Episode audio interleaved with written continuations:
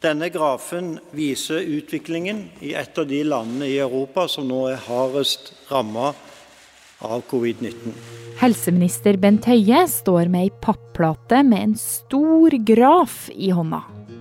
Den røde linja er først flat, og så plutselig svinger streken rett opp, helt til toppen av papplata. Men det er nå òg syv uker siden smitten for alvor skjøt fart i Belgia. Denne linja er koronasmitten i Belgia nå i høst. Og akkurat der linja begynner å svinge oppover, er Norge. Hvis vi ikke stopper smittespredningen i Norge nå, kan vi stå i en lignende situasjon om syv uker. Hva er det Bent Høie frykter? For eh, en uke siden så eh, besøkte jeg eh, et av de mest kritiske og hardt belasta sykehusene i Belgia, og en overfylt covid-19-avdeling. Det er veldig, veldig sterkt, og det er først da du forstår egentlig alvoret i situasjonen. Det her er forklart fra Aftenposten. Jeg er Marit Eriksdatter Gjelland. I dag er det torsdag 12. november.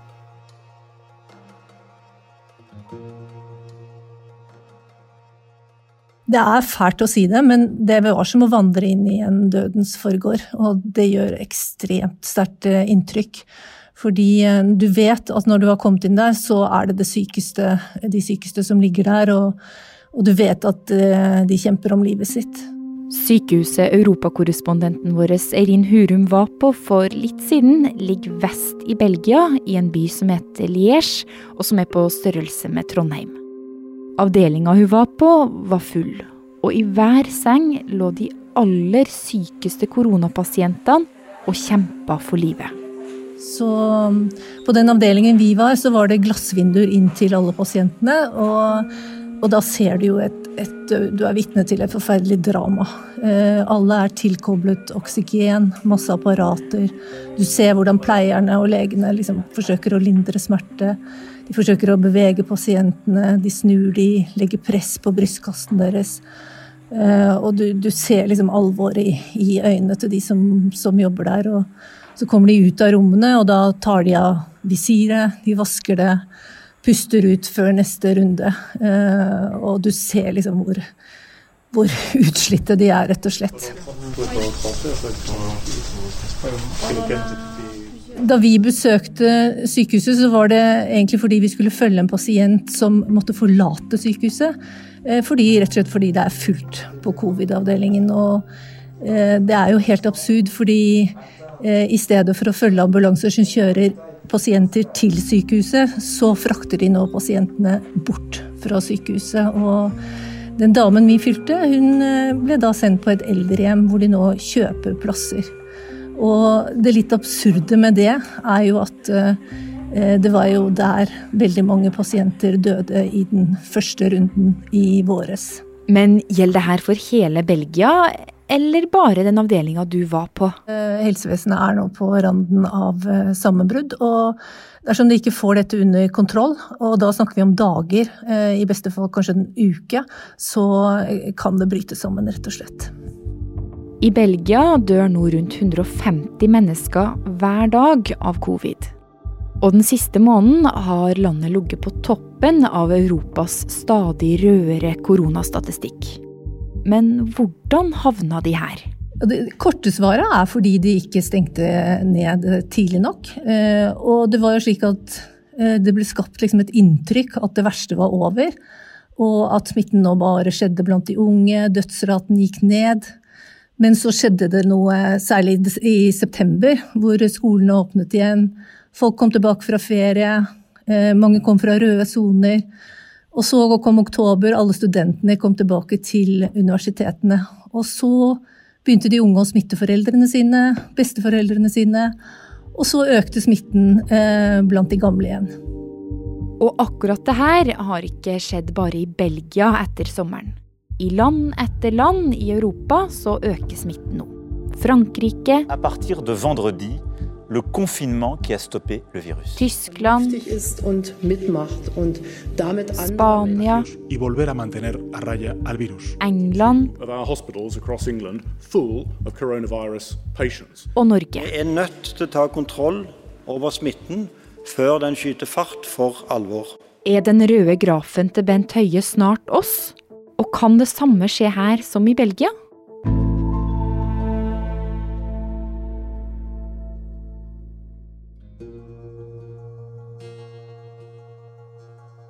Når det kommer til koronasmitten blant folk, så er vi i Norge der Belgia var for sju uker siden. Mens myndighetene her i landet har stramma inn på muligheten til å være sosial, så driver de i Belgia nå med innstramminga av et helt annet kaliber.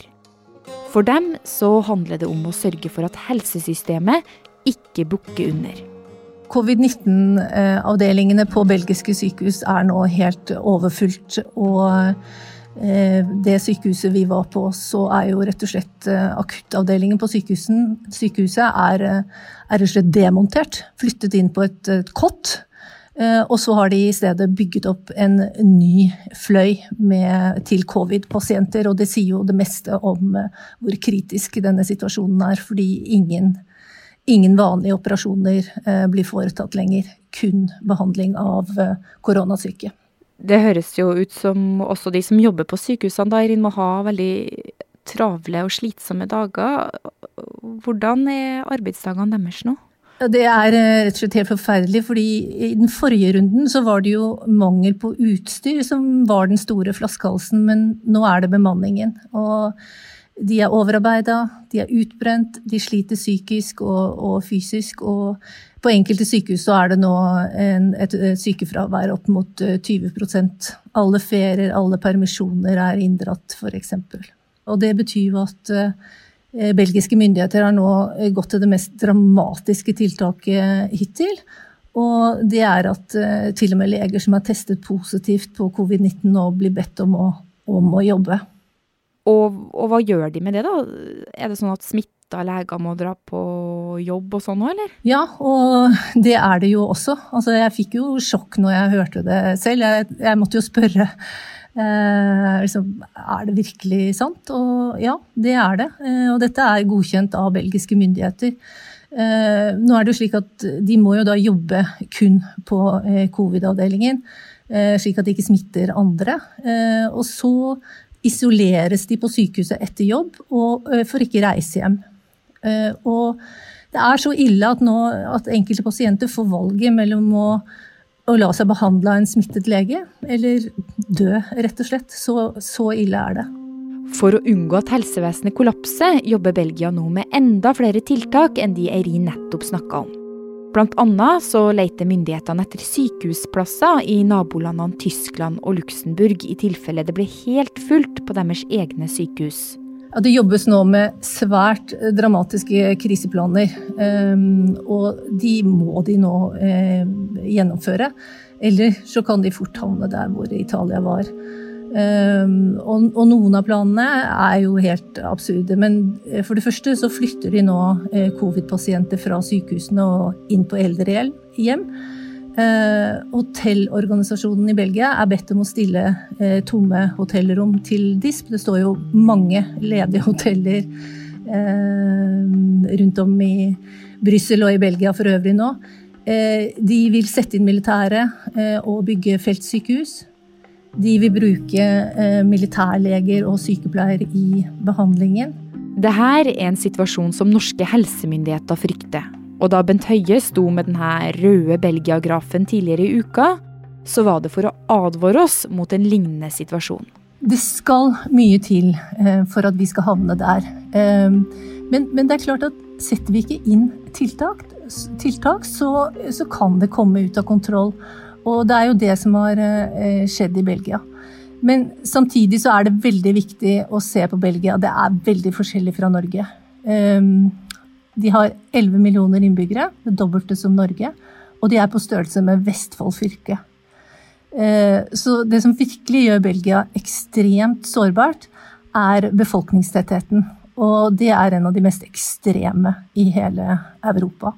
Så når smitten tar nakketak på Belgia, så er det rett og slett det er ingen steder å gjemme seg. Og Belgia er et veldig sånn åpent samfunn. De grenser til mange land.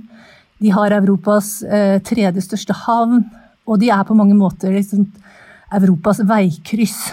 Eh, og de er sårbare på utrolig mange områder, eh, og det er det de merker nå. Eirin, i Belgia så har de jo sett at kurva har gått oppover. Altså, hvorfor satt de ikke inn strengere tiltak tidligere? For å forstå eh, hvorfor det gikk så galt, så må man rett og slett forstå Belgia. Fordi Belgia er et ekstremt komplisert og politisk kaotisk land. Belgia har et av Europas beste helsevesen. Men det hjelper jo veldig lite når sykehusene blir overvelda slik som det er blitt eh, nå. Um, og dette burde jo ha vært stoppet før det kom til sykehusene. Uh, både leger og sykepleiere skylder på politikerne, og mye med rette. Fordi Belgia, uh, som sagt, kaotisk land, består av tre sterke regioner. Flandern i nord, Valonia i sør og Brussel i midten. Og alle med sin liksom egen eh, selvstendige region. Eh, I tillegg, flere partier i eh, rike Flandern ønsker mer selvstyre. Enkelte ønsker full løsrivelse fra Belgia. Og de bryr seg ikke om hva de andre regionene gjør.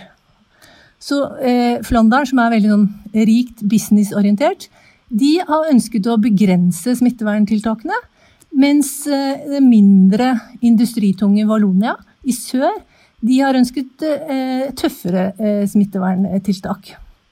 Og denne høsten så har da Belgia i tillegg vært uten en permanent regjering. Og så først i oktober så kom den nye regjeringen på plass. Og først da kom det en enhetlig nasjonal plan på bordet. Da ble innstrammingene skjerpet, strømlinjeformene men dessverre altfor seint, ifølge smittevernekspertene. Ce n'est pas parce que ces résultats vont mieux qu'ils sont bons. Ces résultats restent clairement encore trop élevés. Nå er det snart to uker siden Belgia stengte ned for andre gang i år. Det er bare lov å ha besøk av én person, to om du bor alene. De har portforbud om natta, og alt er egentlig stengt, bortsett fra helt nødvendige ting som matbutikker.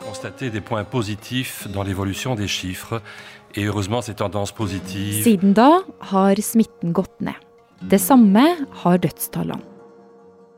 Her i Norge ser vi ikke den samme nedgangen helt ennå.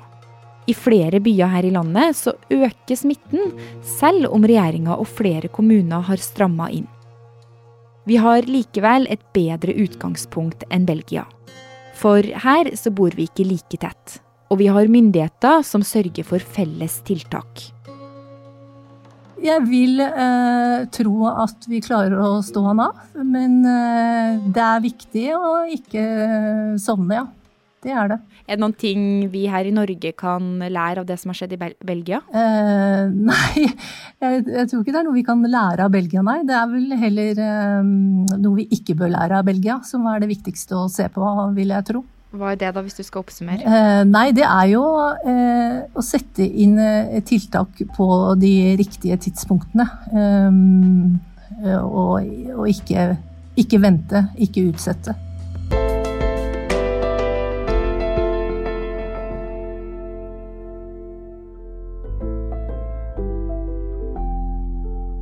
Denne episoden er laga av produsent Fride Næss Nonstad og meg, Marit Eriksdatter Gjelland.